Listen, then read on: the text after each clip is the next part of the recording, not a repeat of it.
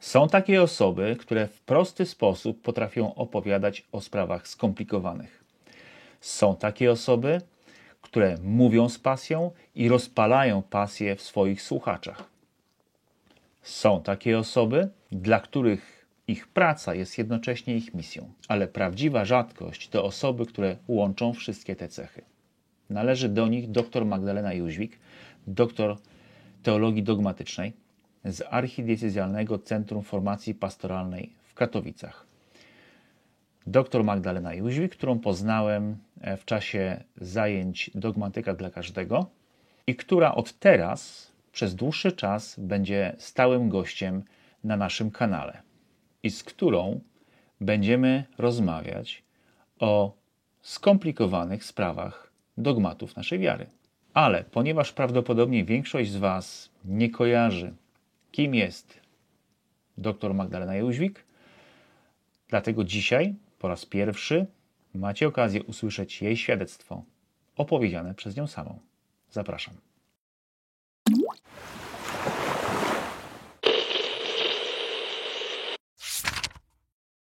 Dziękuję Ci, Magda, za to, że zgodziłaś się na udział w naszym programie. Zacznę od razu od pierwszego pytania. Czy to jest mhm. tak, że Magdalena Jóźwik e, od zawsze marzyła o tym, żeby zostać teologiem dogmatycznym? Nie, nie, absolutnie nie. Szczerze powiedziawszy, właśnie y, zastanawiałam się sama nad tym, jak to było kiedyś, kiedyś, kiedyś w moim życiu. E, I no na pewno jako pięcio, siedmiolatka nie chciałam zostać teologiem. W ogóle mi to do głowy nie przychodziło. E, nawet jako nastolatka nie chciałam zostać teologiem, ale już tak pod koniec, e, pod koniec szkoły średniej to już rozważałam pójście na teologię. To tak, to już pod koniec szkoły średniej się rzeczywiście te myśli, te myśli pojawiały. No standardowo, no chciałam zostać prezydentem, jak byłam mała. Więc... No ale dobrze, to jeszcze ten prezydent to jest, to jest powiedzmy jakiś taki rzeczywiście dość typowy wybór. E, piłkarz, strażak, e, pielęgniarka, e, no ale teolog, umówmy się, to jednak no, chyba nie jest taka typowa ścieżka kariery. Znaczy od prezydenta do teologa. Tak. tak? O, to, o, to. Tak. E, nie, nie, absolutnie, absolutnie nie jest to typowa ścieżka, ścieżka kariery. Szczerze powiedziawszy, to zastanawiałam się nad wieloma e, mm. możliwościami, jeśli chodzi o wybór mojego, mojej w ogóle drogi życiowej, jakiegoś e, też mm. powołania. I, mm, I ta teologia przyszła właściwie w szkole średniej, dlatego że wtedy zaczęłam sobie zadawać coraz więcej pytań dotyczących wiary. Może po prostu chciałam bardziej zrozumieć, tak, jak to wszystko ze sobą jest powiązane. E, w praktyce polegało to na tym, że po prostu pytałam moich znajomych księży, czy katechetę i czy mm. księży i biedni byli, bo musieli mi odpowiadać na różne pytania, mm. e, ale jednak czułam, że potrzebuję więcej, że po prostu potrzebuję więcej i, i na tą teologię poszłam mm, w sumie nawet jeszcze w maturalnej klasie nie byłam zdecydowana, czy pójdę na teologię. Mhm. Tak naprawdę chyba ostatecznie po maturze podjęłam tę decyzję i jeszcze poszłam wtedy na dwa kierunki, na teologię i na pedagogikę zdrowia. Bo ta mhm. pedagogika jakoś też mnie inspirowała. W sumie to dostałam się na pedagogikę zdrowia, na resocjalizację i na teologię. Tak, bo y, od tego prezydenta to w międzyczasie pojawił się pomysł, żeby pójść na resocjalizację i pracować w więzieniu. Tak, to, jest, okay. to był to był pomysł, który mnie dość długo trzymał. E, no i tak, proszę bardzo, jak ta kariera się układa, nie, nie za wiele to wszystko ma ze sobą wspólnego. I rzeczywiście przez pół roku studiowałam dwa kierunki, pedagogikę zdrowia i teologię, ale na pierwszym roku zrobić coś takiego to nie jest dobry pomysł, bo się jeszcze przedmioty mhm. nie przepisują i wszystko trzeba właściwie robić e, podwójnie i to godzinowo było bardzo trudne, e, więc po pierwszym semestrze podjęłam odważną w tamtym czasie dla siebie decyzję, że jednak zostaję tylko na teologii, a mhm. dodać tutaj trzeba, że studiowałam teologię ogólną, czyli teologię dla hobbystów. I oczywiście hmm. i u moich rodziców, i w moim sercu też yy, wisiało pytanie w powietrzu, co ty dziecko będziesz po tym robić? I to było pytanie, na które ja absolutnie nie umiałam odpowiedzieć ani moim rodzicom wtedy, ani sobie wtedy, e, ale czułam, że powinnam to zrobić, że po prostu, no, że mam w to iść. No dobrze, było... po teologii to jest taki dość naturalne, jeżeli chodzi o świeckie osoby e, studiujące teologię, to dość oczywisty, oczywiste skojarzenie jest takie, że pod czymś takim zostaje się katechetą. E, ale ja chciałbym jeszcze, zanim jak powiem, pójdziemy tam dalej w, w głąb, e, tak Cię dopytać, bo ja zacząłem nie, nie, tak nie bez kozery o tym, e, kiedy, kiedy, kiedy zaczęłaś marzyć o tym, żeby zostać teologiem. Bo w tym jest ukryte moje pytanie raczej o to, o Twoje doświadczenie Boga, bo domyślam się, że ta teologia to nie jest ze względu właśnie na, nie wiem, wyjątkowo atrakcyjne warunki finansowe i możliwości kariery, tylko raczej właśnie ze względu na to, że no coś, się, coś się wydarzyło w Twoim życiu, takiego, że to jednak w tą stronę mm, mhm. pokierowałaś swoje życie. Tak, tak. Tak, wydarzyła, wydarzyła się jedna, e, myślę, bardzo istotna rzecz, a mianowicie, mając 12 lat, pojechałam na swoją pierwszą oazę, na oazę Dzieci Bożych. E, to był rok 2000. E, I tam oczywiście nie chciałam na nią pojechać. Znaczy, nie wiem, czy to jest takie oczywiste, ale ja nie chciałam pojechać na mhm. oazę wtedy, bo uważałam, że to jest dla jakichś świętych dewotów, a ja żadnym świętym dewotem nie zamierzam być.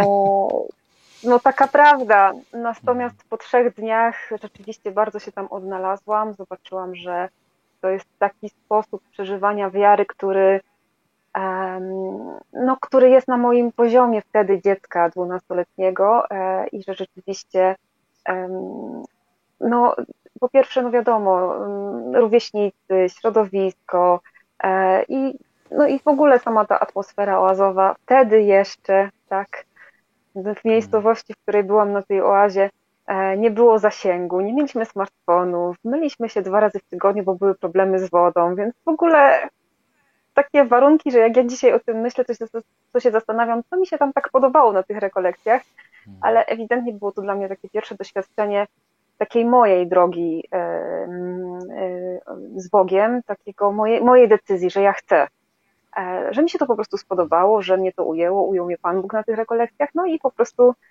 zostałam do końca i wsiąkłam w tą oazę na 16 lat, bo to się wtedy zaczęło i jeszcze przez kolejne lata oczywiście byłam w ruchu Światło Życie, przeszłam całą formację, później też posługiwałam w różny sposób w ruchu i te moje pytania też dotyczące wiary, one się też w pewnym momencie zaczęły wiązać z posługą. To znaczy z tym, że też już później byłam w liceum animatorką i, i widziałam, że też potrzebuję sama głębiej zgłębiać, tak, głębiej wchodzić w relacje z Bogiem na poziomie też i tym duchowym przede wszystkim, e, i tym intelektualnym i, i że to po prostu musi iść w parze. Ja po prostu czułam, że to, że to musi iść w parze, że ten duch musi się karmić tym, co też przyjmuje głowa, a głowa nie może sama się żywić, potrzebuje też tego doświadczenia duchowego.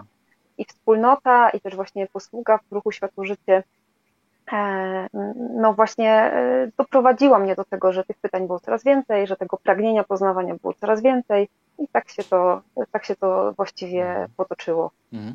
Ale to jest tak, że y, to jakby przeżywałaś w sobie, czy to też było tak, że te jakieś osoby z Twojego otoczenia Cię inspirowały? Mm, no, jak już, że tak powiem, tak się udomowiłam w oazie, tak, że to się stało takim, takim moim miejscem, no to wiadomo, że już potem się tam stworzyło też jakieś środowisko, które mi pomagało, tak, w sensie tak trwać, trzymać się i rzeczywiście, rzeczywiście być. No teraz jak o tym rozmawiamy, to mam po prostu całą listę osób w sercu, które, e, które oczywiście no, przyczyniły się do, do mojego rozwoju wiary, życia z Bogiem i którym jestem bardzo, bardzo wdzięczna, ale nie będziemy wszystkich wymieniać, bo to e, sporo by czasu tutaj nam zajęło. Natomiast okay. właśnie mm, myślę, że to było właśnie wiele takich osób,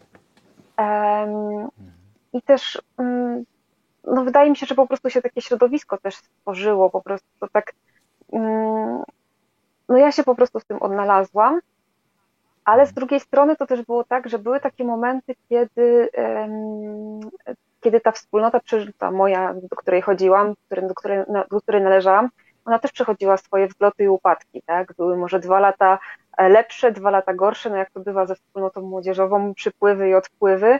I rzeczywiście, rzeczywiście tak było, ale to były też takie momenty, w których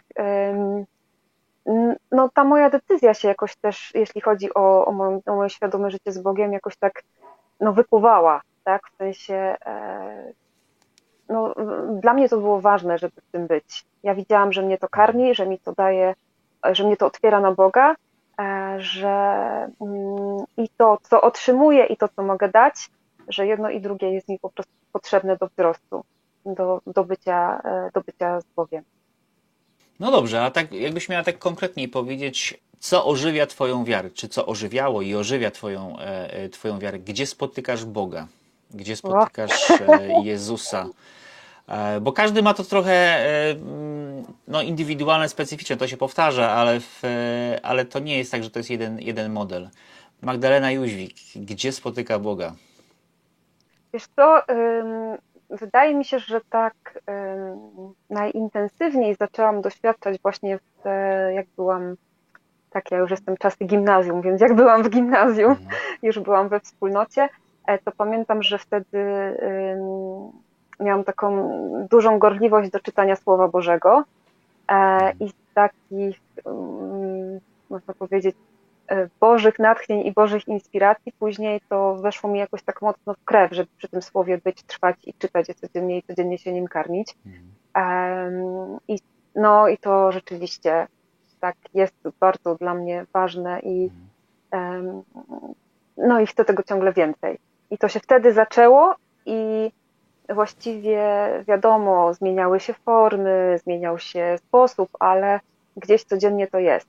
W różnych wymiarach, ale rzeczywiście codziennie jest i, i widzę, że rzeczywiście słowo jest jak chleb, tak, że bez tego słowa nie można, nie można żyć. Bez chleba akurat można, ale bez, y, bez, słowa, bez słowa nie.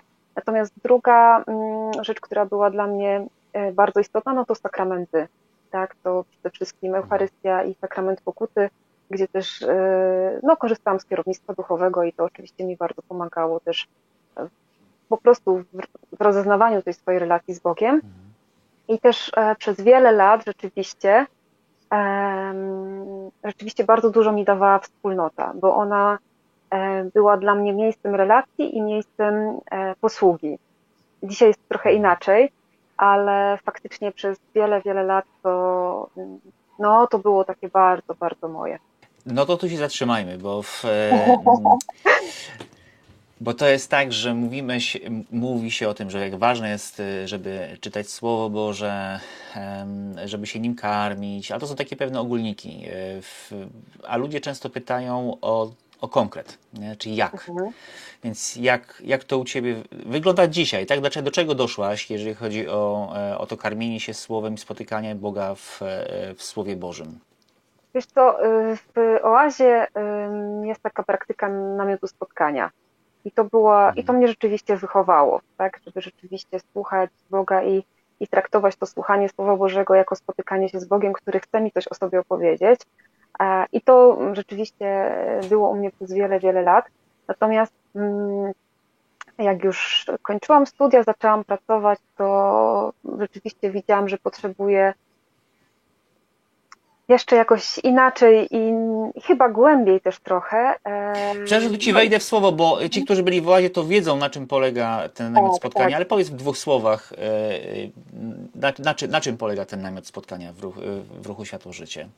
Wiesz co, e, akurat mm, to, mm, doświadczenie moje jest takie, że co oazowicz, to ci to inaczej wytłumaczy.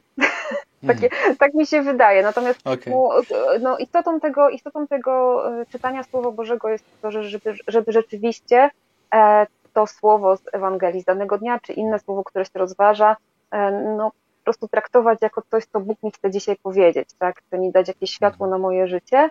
No i w praktyce to po prostu polega na to, żeby tam jakieś od 15 do pół godziny poświęcić na to czytanie Słowa Bożego w takiej ciszy, w takiej medytacji, i w takiej też modlitwie osobistej, tak, że, że się odpowiada na, okay. E, na to słowo. E, no natomiast właśnie mm, ja widziałam, że po studiach, już jak po studiach magisterskich, już zaczęłam pracować, to jakoś ciągnęło mnie, żeby jeszcze jakoś tak głębiej wchodzić w to Słowo Boże, no i e, odkryłam po prostu lekcję Divina. Znaczy odkryłam. Odkryłam, że to jest w kościele i, mhm. i zauważyłam, że to jest ta metoda, ten sposób, który jakoś no mhm. jakoś najlepiej po prostu pomaga mi żyć tym Słowem Bożym. Też sobie cenię rekolekcje lekcji Divina u Salwatorianów, e, więc to, to jest dzisiaj coś, co, co rzeczywiście widzę jako, mm, no, jako swoją drogę do rozwoju. Mhm. To znowu Cię zapytam o to samo, co z namiotem spotkania, to znaczy yy, to lekcja dywina, bo to się dość często powtarza i, i, i pojawia jako propozycja y, spotkania ze Słowem Bożym, ale znowu w dwóch, trzech słowach, na czym to mhm. polega? E, wiesz co, to jest taka, e, to jest taka praktyka e, słuchania Słowa Bożego, która ma cztery takie podstawowe etapy. Może nie będę tutaj tymi łacińskimi czy włoskimi nazwami operować, poprosi będzie jak to po prostu spolszczę. No pierwszy etap to jest po prostu czytanie Słowa Bożego w taki sposób, że chcemy dowiedzieć się, o czym jest to Słowo. W sensie skupiamy się na tym sensie dosłownym. Szuka, szuka się też takich komentarzy, jakiegoś tam wyjaśnienia tego słowa, żeby um, zrozumieć, co autor ten ludzki i ten Boży miał na myśli, tak? To znaczy, żeby nie od razu nakładać swoje życie na to słowo, tylko żeby rzeczywiście zrozumieć mm, e, tą intencję danego fragmentu. E, później mm, jest ten etap medytacji, czyli tego, co to słowo dzisiaj mówi do mojego życia, czyli już przykładamy e, to zrozumiane słowo do swojego, do swojego życia. Trzeci etap to jest oratio, czyli modlitwa, czyli to, że po prostu wzbudzamy, sobie, wzbudzamy w sobie e, modlitwę, czy to dziękczynienie, czy prośbę e, w związku z tym, co wymedytowaliśmy. No i ostatni etap to jest kontemplacja, po prostu takie trwanie przed Bogiem e, w związku z tym słowem, z tym, spot, z tym spotkaniem ze słowem, które przeżyliśmy. Tak w mhm. skrócie. I to jest sposób, którym, którym dzisiaj, dzisiaj żyjesz. No wiesz, w zlotach i upadkach, ale żyjemy, tak? o jednak tak z pół godzinki by trzeba było na to poświęcić, a czasem to różnie bywa. Mm, Więc to, ale rzeczywiście to jest coś, do czego e, no, wracam i, i co chcę, żeby mm. było w moim życiu.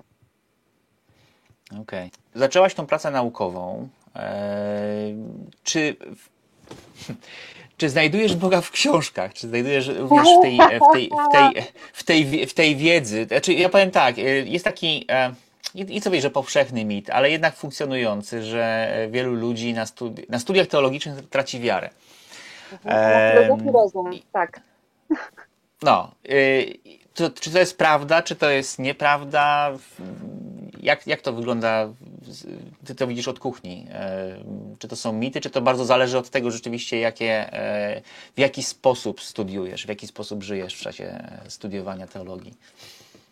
Wiesz co, rzeczywiście um, miałam pewne opory, żeby iść na teologię, właśnie z tego mhm. powodu, ale może nie dlatego, żeby, że stracę wiarę, ale bardziej z tego powodu, że um, że bałam się, że to nie będzie już dla mnie takie żywe, tylko że to będzie takie sztywne, mhm. poukładane i, e, i mhm. jakieś takie, no nie wiem, hermetyczne, jakieś, no nawet nie umiem tego ująć, o co, o co mi chodziło, że to ale... Nie, nie tyle doświadczenie Boga, co wiedza o Bogu. Tak, tak, tak, tak że, to będzie taka, mhm. że to będzie taka religiologia, tak, że to będzie taka religiologia. Mhm. E, I, mm, I to były moje opory, żeby iść na teologię, no ale w końcu jakoś tam podjęłam tą decyzję, podjęłam to ryzyko. E, no i oczywiście wyszło na odwrót. Znaczy nie wiem, czy to jest takie oczywiste, ale w moim wypadku wyszło na odwrót. Rzeczywiście, mm, no pamiętam takie momenty, w których rzeczywiście się zachwycałam Bogiem, słuchając wykładów albo y, czytając książki, e, czy to ucząc się na egzamin, czy pisząc pracę magisterską no chyba najbardziej przy pisaniu pracy magisterskiej to były takie, no czułam się momentami jak na rekolekcjach. A bynajmniej... E, a, a możesz zdradzić, jaki był, jaki, jaki był temat tak, tej pracy tak, magisterskiej? Tak, tak, tak. to, bynajmniej nie była to łatwa lektura, ponieważ um, temat pracy magisterskiej to był trinitarny wymiar Paschy w ujęciu Hansa Ursa von Baltazara. E, nie wiem, dlaczego się załamujesz, czy ten tytuł cię odstrasza. No, ja, Ja chciałam napisać o Trójcy Świętej i Misterium Paschalnym. Ja mi się zaraz kojarzy z księdzem z tego, z, z Rancha, e, w, A. tym, e, tak, młodym księdzem naukowcem, teologiem, e, który tak... Tak, tak, odpowiedział no, coś i nie było wiadomo w ogóle o, o co chodzi. No to w skrócie, był, tak, w skrócie było o Trójcy Świętej i Misterium Paschalnym, a mhm. materiałem do tego były po prostu mhm. teologia Hansa Ursa von Baltazara. No i właśnie właśnie to, że to była jego teologia, to jest jakby tutaj e, no, całe clue tego, tego wszystkiego, ponieważ no, to nie są łatwe lektury. Tak, to, to rzeczywiście, rzeczywiście wielki, wielki geniusz teologiczny i, i no, była to fascynująca, ale też wymagająca, wymagająca przygoda i lektura, ale rzeczywiście e, widać było wiarę, jego wiarę tym, co napisał i to było zachwycające. I ja pamiętam, dosłownie pamiętam nawet momenty, w których pisałam pracę magisterską, czytałam jakieś fragmenty e, jego książek, właśnie potrzebne mi do tej pracy i po prostu siadałam i się modliłam. Znaczy po prostu przerywałam wszystko i, i nawet, nawet nic nie mówiłam, po prostu byłam zachwycona mhm. tym, co się mi pokazywało mm, o Bogu właśnie w czasie tych, mhm. w czasie tych lektur czy w czasie tego pisania. Więc no i rzeczywiście, właśnie ten ostatni taki etap y, studiowania był dla mnie takim momentem, kiedy wiele rzeczy zaczęło mi się po prostu w teologii układać ze sobą nawzajem. E, a najlepsze było skończenie studiów, ponieważ wtedy sobie pomyślałam, ojej, jeszcze tyle trzeba tu jakoś poukładać w sobie, jakoś to strawić, jakoś to sobie jeszcze wszystko głębiej no tak zachować, tak, żeby, żeby tym żyć, jakoś to jeszcze bardziej mhm. syntezować. No to po studiach, jak kończyłam studia, to miałam takie wrażenie, że to jest taki dopiero ledwo początek, szczerze powiedziawszy. Kończąc studia, już wiedziałaś, co, co chcesz robić z tą teologią, z tym doświadczeniem również, e, no właśnie te, tego spotykania Boga, wiedzy o Nim w, w książkach. Chciałaś być teologiem, e, teologiem, chciałaś zostać katechetą, czy katechetką, czy, nie, nie, czy już miałaś jakiś in, inny pomysł na siebie? Wiesz co, ja po moich studiach nawet nie mogłam zostać katechetką, dlatego że to była o. teologia ogólna, więc po prostu ja nie mogłam po tych studiach iść uczyć do szkoły, bo nie miałam po prostu uprawnień. E, Naprawdę, to ja nawet nie wiedziałem, że to jest tak, że po teologii ogólnej nie masz e, kwalifikacji do tego, żeby uczyć. Nie, nie, nie. Po teologii, tak, po teologii ogólnej nie ma się tych kwalifikacji. Żeby mieć te kwalifikacje, to trzeba albo skończyć teologię katechetyczną, albo pastoralną. No to wiadomo. To, to Ta teologia ogólna ile, ile, ile, ile czasu trwa? Normalnie, tak jak każda teologia, 5 lat tylko po prostu czyli zamiast... Po pięciu, czyli po pięciu latach studiów ty nie miałaś możliwości, żeby uczyć... Okej, okay, dobra. Tak, i tak naprawdę na tych studiach nie było też żadnych praktyk, więc tak naprawdę po tych studiach nie było żadnej pracy. Mhm. E, no właśnie. No, właśnie, no to wybrałaś pięć... naprawdę. Tak, tak, więc rzeczywiście pięć lat, y, pięć lat mhm. y, mojego takiego pytania no, Pana Boga po prostu, y, że tak powiem, co będziemy robić później, tak. E, natomiast też no, pytanie wiadomo wisiało w powietrzu, nie? W sensie też wśród mojej mhm. rodziny, która się trochę martwiła o mnie, co to ze mną będzie po tej teologii. E, może tak, mniej więcej od czwartego roku e, czułam, że chcę więcej, że chcę się tym mhm. zajmować dalej i więcej. Na piątym roku, jak zaczęłam pisać pracę, to też um, od wykładowców, od mojego promotora e, usłyszałam, że dobrze by było, żebym zrobiła jeszcze coś więcej, czyli żebym pomyślała o studiach mhm. doktoranckich. Bardzo mnie to ucieszyło, bo ja też chciałam wtedy. Wtedy już wiedziałam, że mhm. chciałabym chociaż spróbować i że chciałabym rzeczywiście iść na, na studia doktoranckie. No, ale to wiązało się oczywiście z kolejnymi czterema latami, a właściwie pięcioma latami studiów, E, i to już wiadomo było, że nie mogę sobie pozwolić na to, że nie będę pracować. No bo to już wiadomo, już, już za, za długo by to wszystko trwało i było. No i trochę się zastanawiałam nad tym, co ja będę w tym czasie robić, w sensie, e, gdzie będę pracować. No trochę myślałam o tym, żeby jednak spróbować sobie zrobić uprawnienia pedagogiczne i iść do szkoły właśnie na ten czas doktoratu i jakoś tak, no po prostu godzić jedno z drugim. Ale pod koniec maja na piątym roku właśnie pojawiła się propozycja, żebym pracowała w sekretariacie drugiego synodu archidiecezji katowickiej który to synod właśnie się miał rozpocząć w listopadzie, no ale wiadomo, trzeba było wszystko mm. przygotować do niego. No i przyszła ta propozycja, zgodziłam się na nią. I pięć lat mojego studiowania było jednocześnie pięcioma latami pracy w sekretariacie drugiego synodu archidiecezji katowickiej.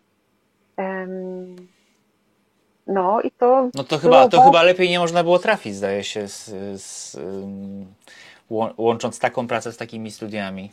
Znaczy, zależy pod jakim kątem na to patrzeć. Okej. Okay. Dlaczego stwierdziłeś, że lepiej nie można było trafić? No, bo tak, mi się to jakoś tak wie, kojarzy, mimo wszystko, że to jest jakoś tak w jednym temacie, w jednym strumieniu. No, masz takie zanurzone jesteś w doświadczeniu żywego kościoła, jednak przez to, że y, no, ten synod, jakby nie patrzeć, no jest chyba jakimś doświadczeniem, y, znaczy, w którym jesteś, nie? Mówię, mówię o doświadczeniu kościoła jednocześnie studiując no, w tym temacie. Znaczy nie musisz chodzić do fabryki, nie wiem, szyć ubrania albo w, wylewać tak, asfalt na ulicy, a potem studiować. na teologię, tak, tak. tak, tak. znaczy pod tym, pod tym względem, o tym, o czym teraz powiedziałeś, to faktycznie e, rzeczywiście mhm. tak było, zwłaszcza, że doktorat napisałam z eklezjologii, więc tutaj miałam kościół w praktyce od różnej tak. strony, między innymi właśnie od też takiej pracy no po prostu mm, dosłownie fizycznie w kurii diecezjalnej, w kurii naszej archidiecezji. Um, oprócz tego um, no, wcześniej miałam to doświadczenie takie bardzo duszpasterskie, tak, z ruchem Światło Życie, takie też intensywne w ostatnich latach, kiedy byłam w oazie tej młodzieżowej. Um, no i tutaj jeszcze pisałam pracę z eklezjologii, więc to doświadczenie kościoła rzeczywiście było dla mnie z każdej strony.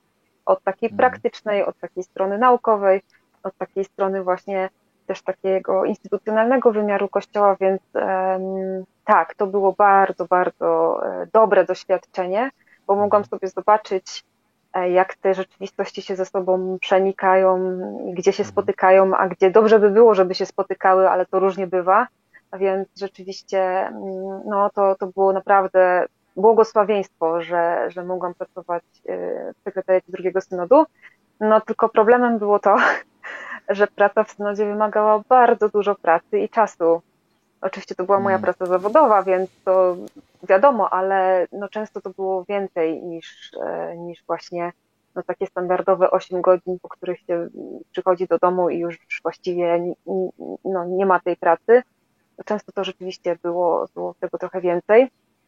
E, I ja nie wiem, jakim cudem napisałam ten doktorat, przy jednoczesnej takiej ilości e, pisania różnych e, materiałów związanych z synodem, protokołów z posiedzeń komisji, protokołów sesji mhm. plenarnych. Ja napisałam trzy razy więcej stron w czasie synodu niż swojego doktoratu.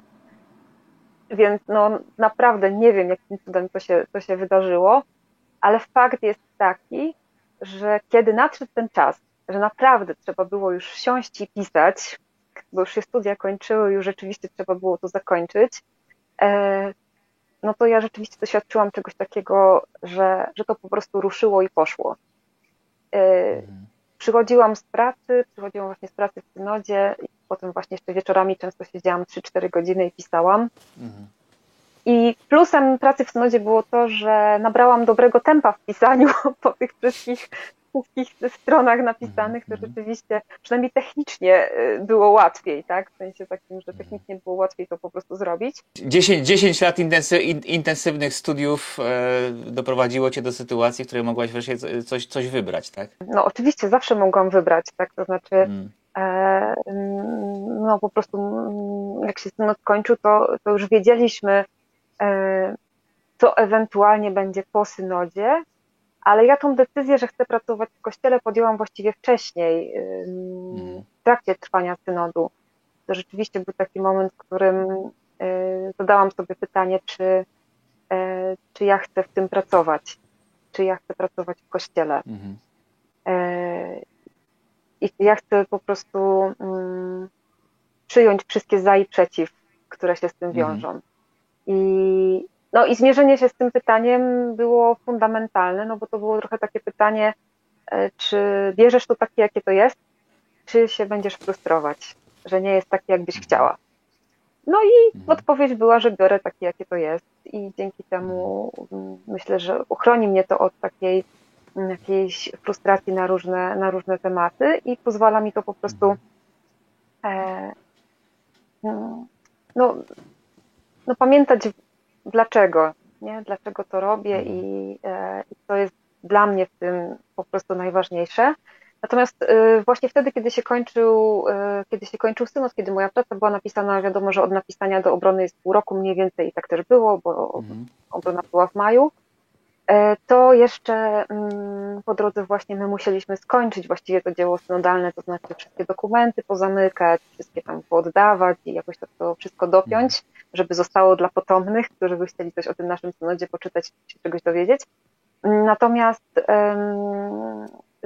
no, w synodzie zostało zapisane, że powstanie coś takiego jak Archidiecezjalne Centrum Formacji Pastoralnej i no, z wielu różnych powodów, z wielu, z wielu różnych powodów e, rzeczywiście e, no, idea była taka, żeby sekretariat synodu, w którym pracowałam, przekształcił się po prostu w Archidiecezjalne Centrum Formacji Pastoralnej i zajął się um, szeroko rozumianym dokształcaniem dorosłych E, ludzi dorosłych, którzy chcieliby czegoś, czegoś się dowiedzieć o swojej wierze, chcieliby sobie jakoś poukładać różne tematy związane z wiarą, a niekoniecznie mają możliwość czy warunki, żeby iść e, na teologię.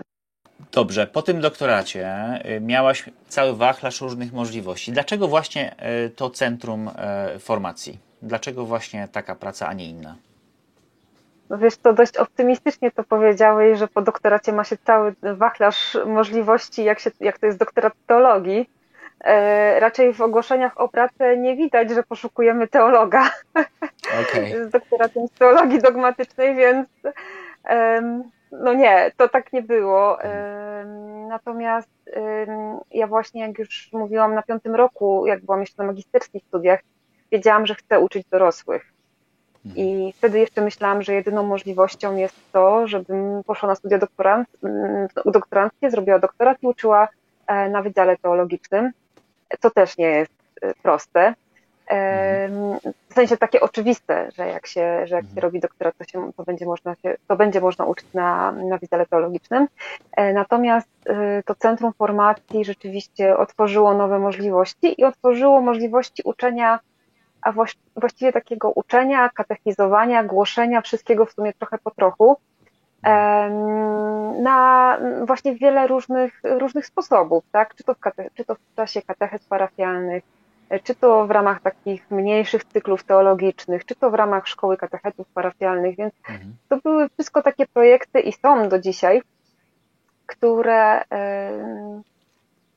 no myślę, że dla mnie jako dla wykładowcy są ciągle ciekawe, mimo wszystko mhm. są ciągle ciekawe, bo zawsze coś się nowego pojawia. E, tworzymy też ciągle na nowo jakieś nowe, nowe propozycje, więc ja praktycznie co roku czegoś się uczę, no bo żeby uczyć innych, sama się muszę nauczyć.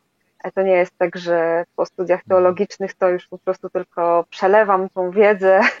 Nie, mhm. ciągle, ciągle to wymaga też ode mnie rozwoju, ale się bardzo z tego cieszę, bo Mm, no po prostu potem widzę, jak mi samej się wiele rzeczy głębiej układa i, mhm. E, i jak myślę, że też e, lepiej po prostu wykonuję swoją mhm. pracę. E, natomiast no, cieszę się też z tego, że możemy sobie pozwolić na różnego rodzaju zajęcia, czy to właśnie mhm. katechezy, czy właśnie te nasze różne cykle teologiczne, dlatego że po prostu mm, nasi słuchacze są też na różnym poziomie i rzeczywiście te pytania, które zadają, są od sasa do lata. To jest właśnie cała przyjemność uczenia dorosłych, ludzi, którzy też mają swoje zawody, swoje wykształcenie, mm, którzy mają też już jakiś swój światopogląd, jakieś swoje doświadczenie wiary, życia. E, no często, ciągle jeszcze, często moi słuchacze, tak w 90% są starsi ode mnie. Mhm. E, I tak się zaczęło to 5 lat temu i jeszcze jest. Znaczy to się pewnie będzie zmieniać, mhm. ale to ciągle tak jest, że, że często jestem od nich młodsza i to też inaczej się uczy. Znaczy inaczej się uczy mhm. kogoś, e, kto jest już dorosły i ma jakieś tam swoje też doświadczenie życiowe. Nie, no okej, okay, dobrze, ale mhm. czy to jest tak, że ym, ty zaczęłaś tą pracę z dorosłymi to tak bardziej, to trochę bardziej z przypadku, czy to było bardziej tak, że widziałaś jakiś problem, który chciała, chciałabyś rozwiązać przez tą pracę? Yy, jak to było motywowane? Może tak, to się, to się chyba wydarzyło w czasie synodu, E, I to było nie tyle moje rozeznanie, co po prostu rozeznanie tego tutaj kościoła lokalnego katowickiego, mhm. że potrzebujemy mm, formować dorosłych, bo ruchy czy wspólnoty, ale też e, YouTube, ale też różnego rodzaju literatura, różnego poziomu teologiczna, mhm. po prostu mm, no, nie dają takiej bazy tak? Jakiejś takiej mhm. bazy, dzięki której można sobie e, jakoś to wszystko poukładać, nie? że są takie bardziej jednostronne, a chodziło o to, żeby dać jakieś narzędzie, które będzie pomagało poruszać się w tych obszarach, mhm. tak? I to się pojawiło rzeczywiście w czasie synodu i, i, było zgłaszane właściwie od samego początku. Ostatnio pisałam artykuł na temat naszego lokalnego synodu e, i czytałam na nowo wyniki ankiety, pierwszej ankiety, która była wystosowana do wiernych i do księży w 2012 roku.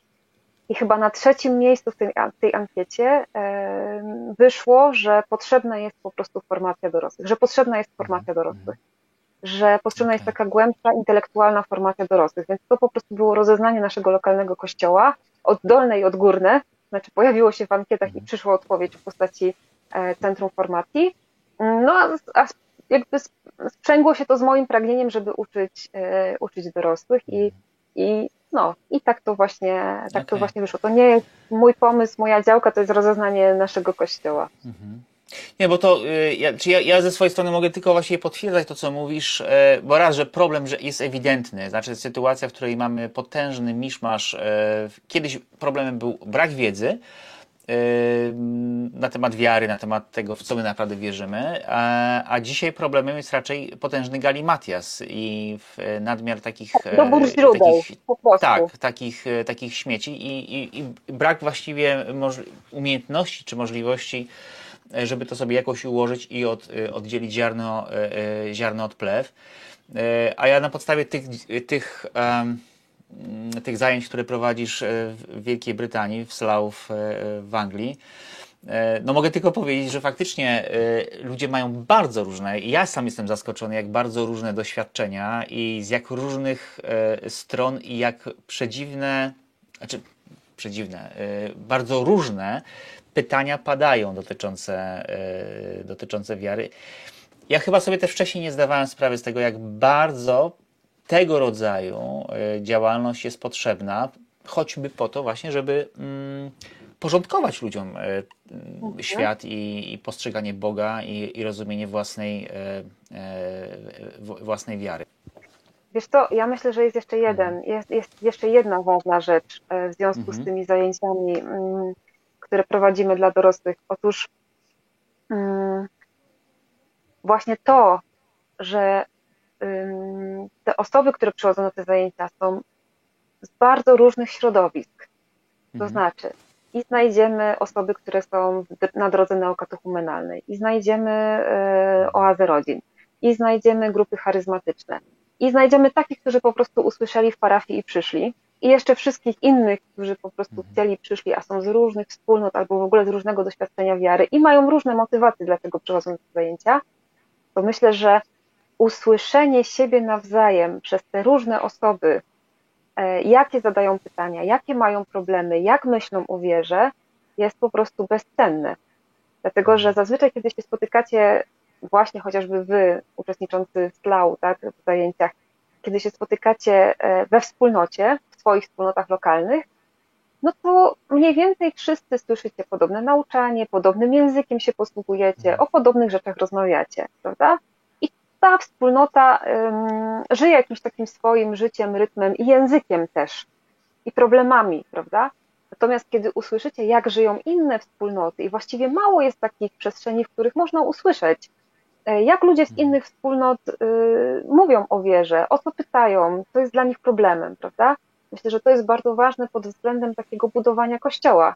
Po prostu. Mhm Kościoła jako wspólnoty wspólnot, bo wydaje mi się, że dzisiejszym naszym problemem, jeśli chodzi też o taką perspektywę bardziej duszpasterską, jest to, że wspólnoty trochę żyją swoim życiem, ale nie mają możliwości albo mają za mało możliwości, żeby spotkać się razem, żeby razem coś zrobić, żeby razem siebie nawzajem posłuchać, żeby posłuchać czegoś, co będzie do wszystkich i będzie językiem, który wszyscy zrozumieją, a nie tylko dana mhm. wspólnota, tak? I takie bardziej uniwersalne nauczanie niż takie no, językiem nowej ewangelizacji, językiem drogi neokatechumenalnej, czy językiem, mhm. nie wiem, domowego kościoła, tak? Więc, e, bo rzeczywiście, no to przecież wiemy dobrze, nie, że słychać tą różnorodność języków, stylu wypowiedzi, mm, ale właśnie posłuchanie takiego nauczania, które jest naprawdę dla każdego, jak te nasze zajęcia się nazywają, Mhm. E, no to mm, pomaga w tym, żebyśmy, żebyśmy siebie nawzajem usłyszeli i żebyśmy ze sobą mhm. nawzajem spędzili trochę czasu. E, żebyśmy po prostu mm, doświadczyli właśnie tego, że jesteśmy wspólnotą wspólnot, a nie wspólnotą, która staje się taka samowystarczalna, że nie potrzebuje innych wspólnot, nie? Więc wydaje mi się, że to jest bardzo cenne i e, szczerze powiedziawszy, w tym naszym centrum formacji rzeczywiście nie tylko o ten intelektualny wymiar wiary chodzi, E, rzeczywiście chodzi nam też o to, żeby e, nasi uczestnicy doświadczyli, mm, doświadczyli Kościoła e. w takim jak najbardziej pozytywnym tego słowa znaczeniu, żeby się po prostu dobrze poczuli w Kościele. Mhm. I, i, I mamy takie przekonanie, że po prostu jeśli tak jak potrafimy, z całą naszą słabością, ale mhm. jednak tak jak potrafimy, E, okażemy im tą miłość, to wsparcie i to właśnie takie, no takie bycie dla nich, no to to też ma takie oddziaływanie wychowawcze, tak, że oni, mhm. no to jest tak, jak ktoś jest kochany, to pójdzie i będzie kochać, prawda, no i, i mhm, rzeczywiście to mhm. też jakoś tam nam, e, nam to towarzyszy, żeby rzeczywiście ci nasi uczestnicy, uczestnicy dobrze się czuli i czuli się dobrze traktowani, e, wysłuchani, przyjęci z wszystkimi pytaniami, żalami i zażaleniami i wszystkimi rzeczami, które chcą nam jakoś powierzyć.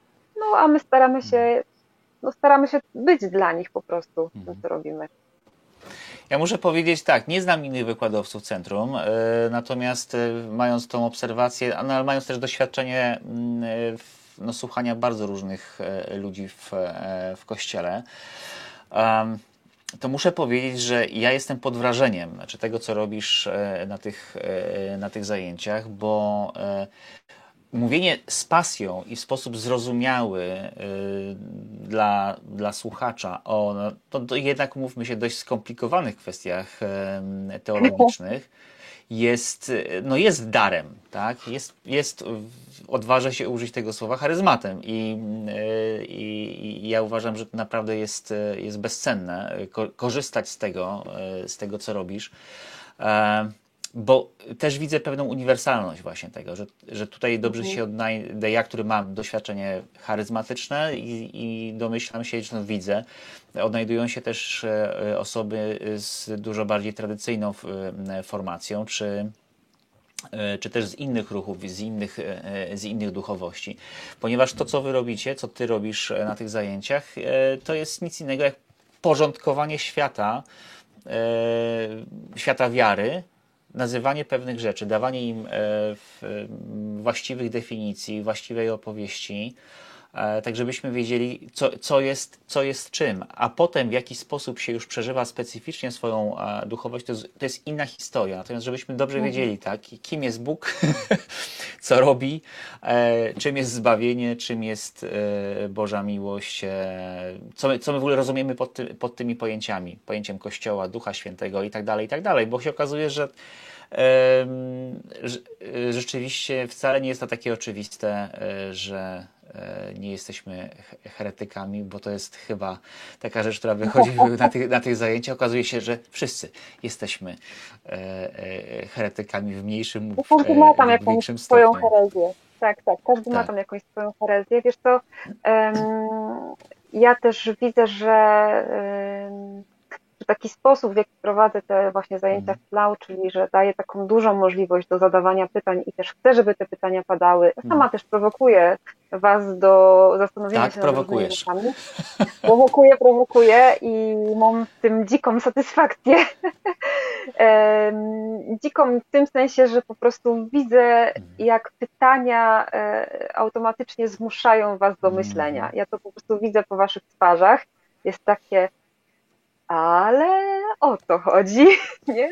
Mm. I, I po prostu o to mi też chodzi, nie? Że jeżeli, mm. że, że, że mi zależy nie na tym, żeby ten wykład powiedzieć ładnie od początku do końca i żeby wam się podobało mój tutaj styl, język i nie wiem, żebyście się zachwycali poszczególnymi treściami, to w ogóle nie o to chodzi. Mi zależy na tym, żebyście właśnie no, zadali sobie to pytanie i później jak najbardziej potrafili sobie to przenieść do własnego życia. Mhm. Bo rzeczywiście e, no, mm, też tak widać z historii Kościoła, z historii teologii, że to, co wierzymy, ma warunkować, jak wierzymy, prawda? W sensie e, najpierw zajmujemy się tym, to jest treścią naszej wiary, a potem to wpływa na naszą praktykę, a nie na odwrót. Mhm prawda? Ja, ja, muszę powiedzieć, że to co, e, to, co, to, co ja wynoszę z tych, e, e, z tych mhm. zajęć, to jest taka myśl, zresztą sama wyraziłaś chyba na pierwszych zajęciach, jak bardzo praktyczną rzeczą jest teologia dogmatyczna. Że faktycznie Amen, to, bracie. A to, w jaki sposób e, widzimy Boga, rozumiemy tak. Boga, wpływa na całe, e, e, na całe życie człowieka i ma ogromne konsekwencje dla, e, dla życia człowieka, więc właściwie to niech mm, to jest jedna z najważniejszych rzeczy, które trzeba sobie w życiu ułożyć, to znaczy dobrze zrozumieć, kim jest Bóg, jaki jest. E, I dla nas i, robi, i, prawda? Tak, tak. Mhm. mhm. I rzeczywiście Wiesz, te myślę... zajęcia to robią, nie? To, ten program e, e, to robi. Wiesz co, właśnie myślę, że to nasze ostatnie mhm. spotkanie, e, które było o Kościele i o życiu wiecznym, to ja bym je tak zatytułowała Wyzwolenie z lęku, hmm. prawda? Bo właśnie tak. przy temacie życia wiecznego i przy temacie Kościoła tego lęku całkiem hmm. sporo jest, prawda? Bo to jest przede wszystkim ten lęk o zbawienie nas i naszych bliskich. Tak. E, i, I faktycznie ja widziałam, jak idziemy razem ku wolności od tego, od tego hmm. lęku, nie? Że, e, Dlatego tak bardzo lubię prowadzić te zajęcia, bo widzę po prostu, jak uczestnicy od takiego drżenia co to z nami będzie, przechodzą do takiej, myślę, takiej ufnej nadziei po prostu, że, że przecież Pan Bóg nas kocha i, i zdecydowanie chce dla nas e, wszystkiego co najlepsze. Mhm. Kiedyś usłyszałem takie, takie sformułowanie e, księdza doktora Strzelczyka, który o, sam siebie tak, przedstawiał, e, tak, sam siebie przedstawiał jako, jako teologa rynkowego, że jest teologiem mhm. rynkowym. I pytanie, czy, ty, czy to również w jakiś sposób opisuje ciebie? To znaczy chodzi o to, czy ty jesteś jakoś przypisana do centrum, e, czy to jest tak, że jesteś, e, przepraszam za wyrażenie, do wynajęcia, e, ciebie można jakoś no właśnie, wy, wynająć, zamówić, zaprosić, działasz na wolnym rynku, czy, czy nie? Wiesz co, no jedno i drugie, a w sumie mhm. jedno, drugie i trzecie. To znaczy, i od lat współpracuję z naszym Wydziałem Teologicznym w Katowicach. Mam przyjemność uczyć na podyplomowych studiach katechetyczno, katechetycznych. Nie pamiętam mhm. dokładnie, jak one się nazywają. W każdym razie chodzi o katechezę szkolną. E, no, przepraszam, ale. Ale, ale... Ważne, ważne, że wiesz, czego uczysz, to, to już jest wiesz, tak, najważniejsze. Tak, tak. Wiem, czego mhm. uczę i bardzo sobie chwalę po prostu e, uczenie na, na właśnie podyplomowych, na podyplomowych studiach. Rzeczywiście tam też przychodzą ci, którzy naprawdę chcą i mówić do takich osób to jest po prostu czysta przyjemność.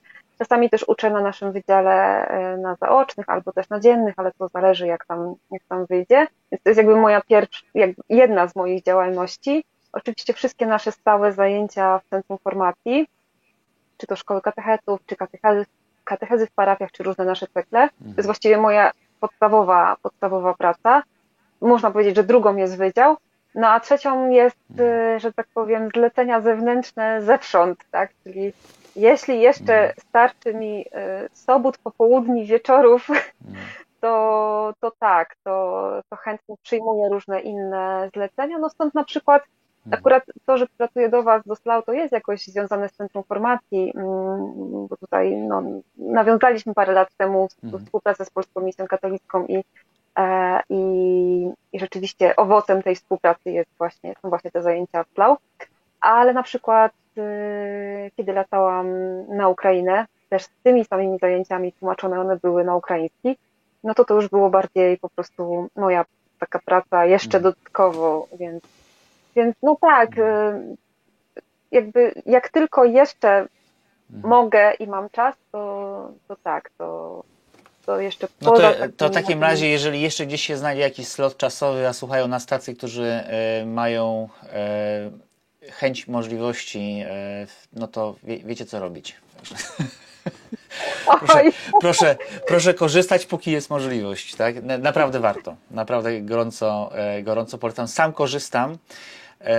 I to powiem tak, tak działa marketing, tak działa świadectwo, e, ponieważ ja jadąc na pierwsze zajęcia e, z tej teologii dogmatycznej dla każdego, nie miałem pojęcia, kim jest Magdalena Jóźwik. W ogóle było to dla mnie człowiek no name i, w, i tylko dlatego tak, pojechałem, że tak, tak, tylko, tylko dlatego pojechałem, że y, moja siostra ze wspólnoty y, studiuje e, pod, y, pod czujnym okiem y, doktor Magdaleny i mówi, ale musisz pojechać, ona jest po prostu genialna, jest kapitalna, słuchaj, ona świetnie... Okej, okay, dobra, pojedziemy, zaryzykujemy. I, i nie żałuję, więc e, dzisiaj to ja mogę powiedzieć dalej. Słuchajcie, jest świetna. To jeszcze jedną rzecz chciałabym powiedzieć, to znaczy mhm. e, trochę żeśmy się zastanawiali z księdzem Leszkiem nad tym, czy te zajęcia poprowadzić online, czy zrobić je na żywo. I ja go bardzo namawiałam na to, żeby one były na żywo, dlatego mhm. że ta możliwość naszego spotkania, rozmawiania przed, w trakcie, po, na wszystkich przerwach, no to ona jest bezcenna. I też to, że możecie się spotkać, że możecie się zobaczyć, że ja się z wami mogę spotkać, zobaczyć was i, i trochę też poczuć to, gdzie wy mieszkacie, z czym się spotykacie i co się u was dzieje, no to myślę daje nam jeszcze taki głębszy poziom zrozumienia i, i takiego, no po prostu też tworzenia, tworzenia kościoła, a no też to jest dla mnie bardzo ważne, nie, żeby mm, to nie była tylko taka wiedza, którą będziemy się wszyscy chwalić, tak, na YouTubie mhm. albo przed znajomymi, tylko żeby rzeczywiście to mm, nam pomagało wierzyć i być w kościele. No i też no, pełnić te zadania, które mamy w kościele, mhm. każdy swoje, prawda? Każdy, każdy też mhm. ma swoje powołanie, swoje, swoją wspólnotę, swoje charyzmaty, e, ale właśnie to, co robimy, to nasze spotkania, to, te nasze spotkania, to budowanie kościoła, e, właśnie, żeby służyło po prostu naszej wierze, relacji z Bogiem i, i z Kościołem. Ja powiem tak, e, my jesteśmy już prawie na końcu tej, tej, tej, tej, e, tej serii e, wykładów z teologii dla każdego i muszę powiedzieć, że dla mnie taki walor niezwykle cenny to jest pewne porządkowanie świata. Nie wiem, czy to nie jest nawet najważniejsze, jeżeli chodzi o samą wiedzę, bo to mhm. doświadczenie się zgadzam całkowicie. To jest kompletnie coś innego, kiedy możemy się spotkać na żywo, a nie, a nie online ale rzeczywiście te wszystkie puzzle, te wszystkie e, rzeczy, które gdzieś są w głowie, e, w jakiś. E, ale się nie stykają. Tak, one, one to są takie patchworki, nie? One, każdy, każdy, bo musi, w jakiś sposób je sobie zszywa na własne, na własne potrzeby i często wychodzą z tego bardzo koślawe rzeczy. A taka sesja, takie sesje e, bardzo ten obraz e, e, porządkują i porządkują go no, w zgodzie z nauką Kościoła, bo to tu jest istotne, nie? że to nie jest tak, że to jest charyzmatyczny mówca Magdalena Jóźwik, która ma swój pomysł na Boga, tylko rzeczywiście jest to... Tylko jest to rzeczywiście coś, co po czym możemy powiedzieć, ok, dobra, to wiemy przynajmniej jako Kościół, w co wierzymy, nie? I jak ja wierzę i jaki, jaki jest obraz Boga o, pamiętasz, na pierwszych zajęciach o tym mówiłam, o tym, mm. że żebyście mi zaufali, że na razie te mm. treści się wydają, po co my się mamy tym zajmować, a mhm, ostatnio mhm. właśnie jak byłam u Was, to e, jedna osoba już zaczęła, i tam słyszałam, że właśnie niektórzy mówią, że mhm. to się zaczyna składać jak puzzle. No i o to właśnie chodziło, żeby to się tak złożyło jak puzzle, żeby było wiadomo, co z czego wynika i, i czym to się po prostu je. Jasne, że y, można sobie doczytać e, teologię poszczególnych teologów, Augustyna, Tomasa i w ogóle mm, wiele, wiele, wiele rzeczy można czytać, ale taka baza, takie podstawy, które gdzieś nam po prostu pomagają się po tym poruszać, Mhm. no to właśnie myślę, że, że dobrze jest, że możemy to sobie zrobić razem, że kiedy coś jest niejasne, to zawsze możecie zapytać, zawsze mogę trzy razy powiedzieć Mhm. jakieś kwestie i no, i myślę, że to jest takie ważne, że po prostu jesteśmy w kontakcie. Ja też po waszych twarzach widzę, czy to trafia, czy nie trafia, czy rozumiecie, czy nie rozumiecie. I to jest dla mnie też bardzo ważne, nie? bo czasami jak są te zajęcia internetowe, my też je robimy w Centrum Formacji, bo wiemy, że to też jest potrzebne. Niektórzy nie, nie pojadą nigdzie, nie będą mieli takich możliwości, ale rzeczywiście to na tych zajęciach online często jest tak, że nie wszystkich widać, nie wiadomo kto to zrozumie, kto nie zrozumie, w domu to się rozprasza, a tu można się trochę odciąć i po prostu e, skupić tylko na jednym i rzeczywiście dla mnie ten dzień z wami to jest taki, to ja jestem tylko z wami, nie? W sensie, w sensie takim mentalnym to po prostu e, no, zwłaszcza, że tych pytań też jest sporo, to faktycznie od rana do, do tego popołudnia e, właściwie nie mam czasu o niczym innym pomyśleć, tylko o, o tym właśnie, co, co robimy razem. Magda, bardzo Ci dziękuję za rozmowę. Dziękuję Ci za to, że e, poświęciłaś swój czas i mm, no, wie, wiemy teraz trochę więcej o tym, kim jest e, doktor Magdalena Jóźwik, e, co robi i dlaczego robi. Dziękuję również, bardzo się cieszę, że mogliśmy porozmawiać i mam nadzieję do zobaczenia.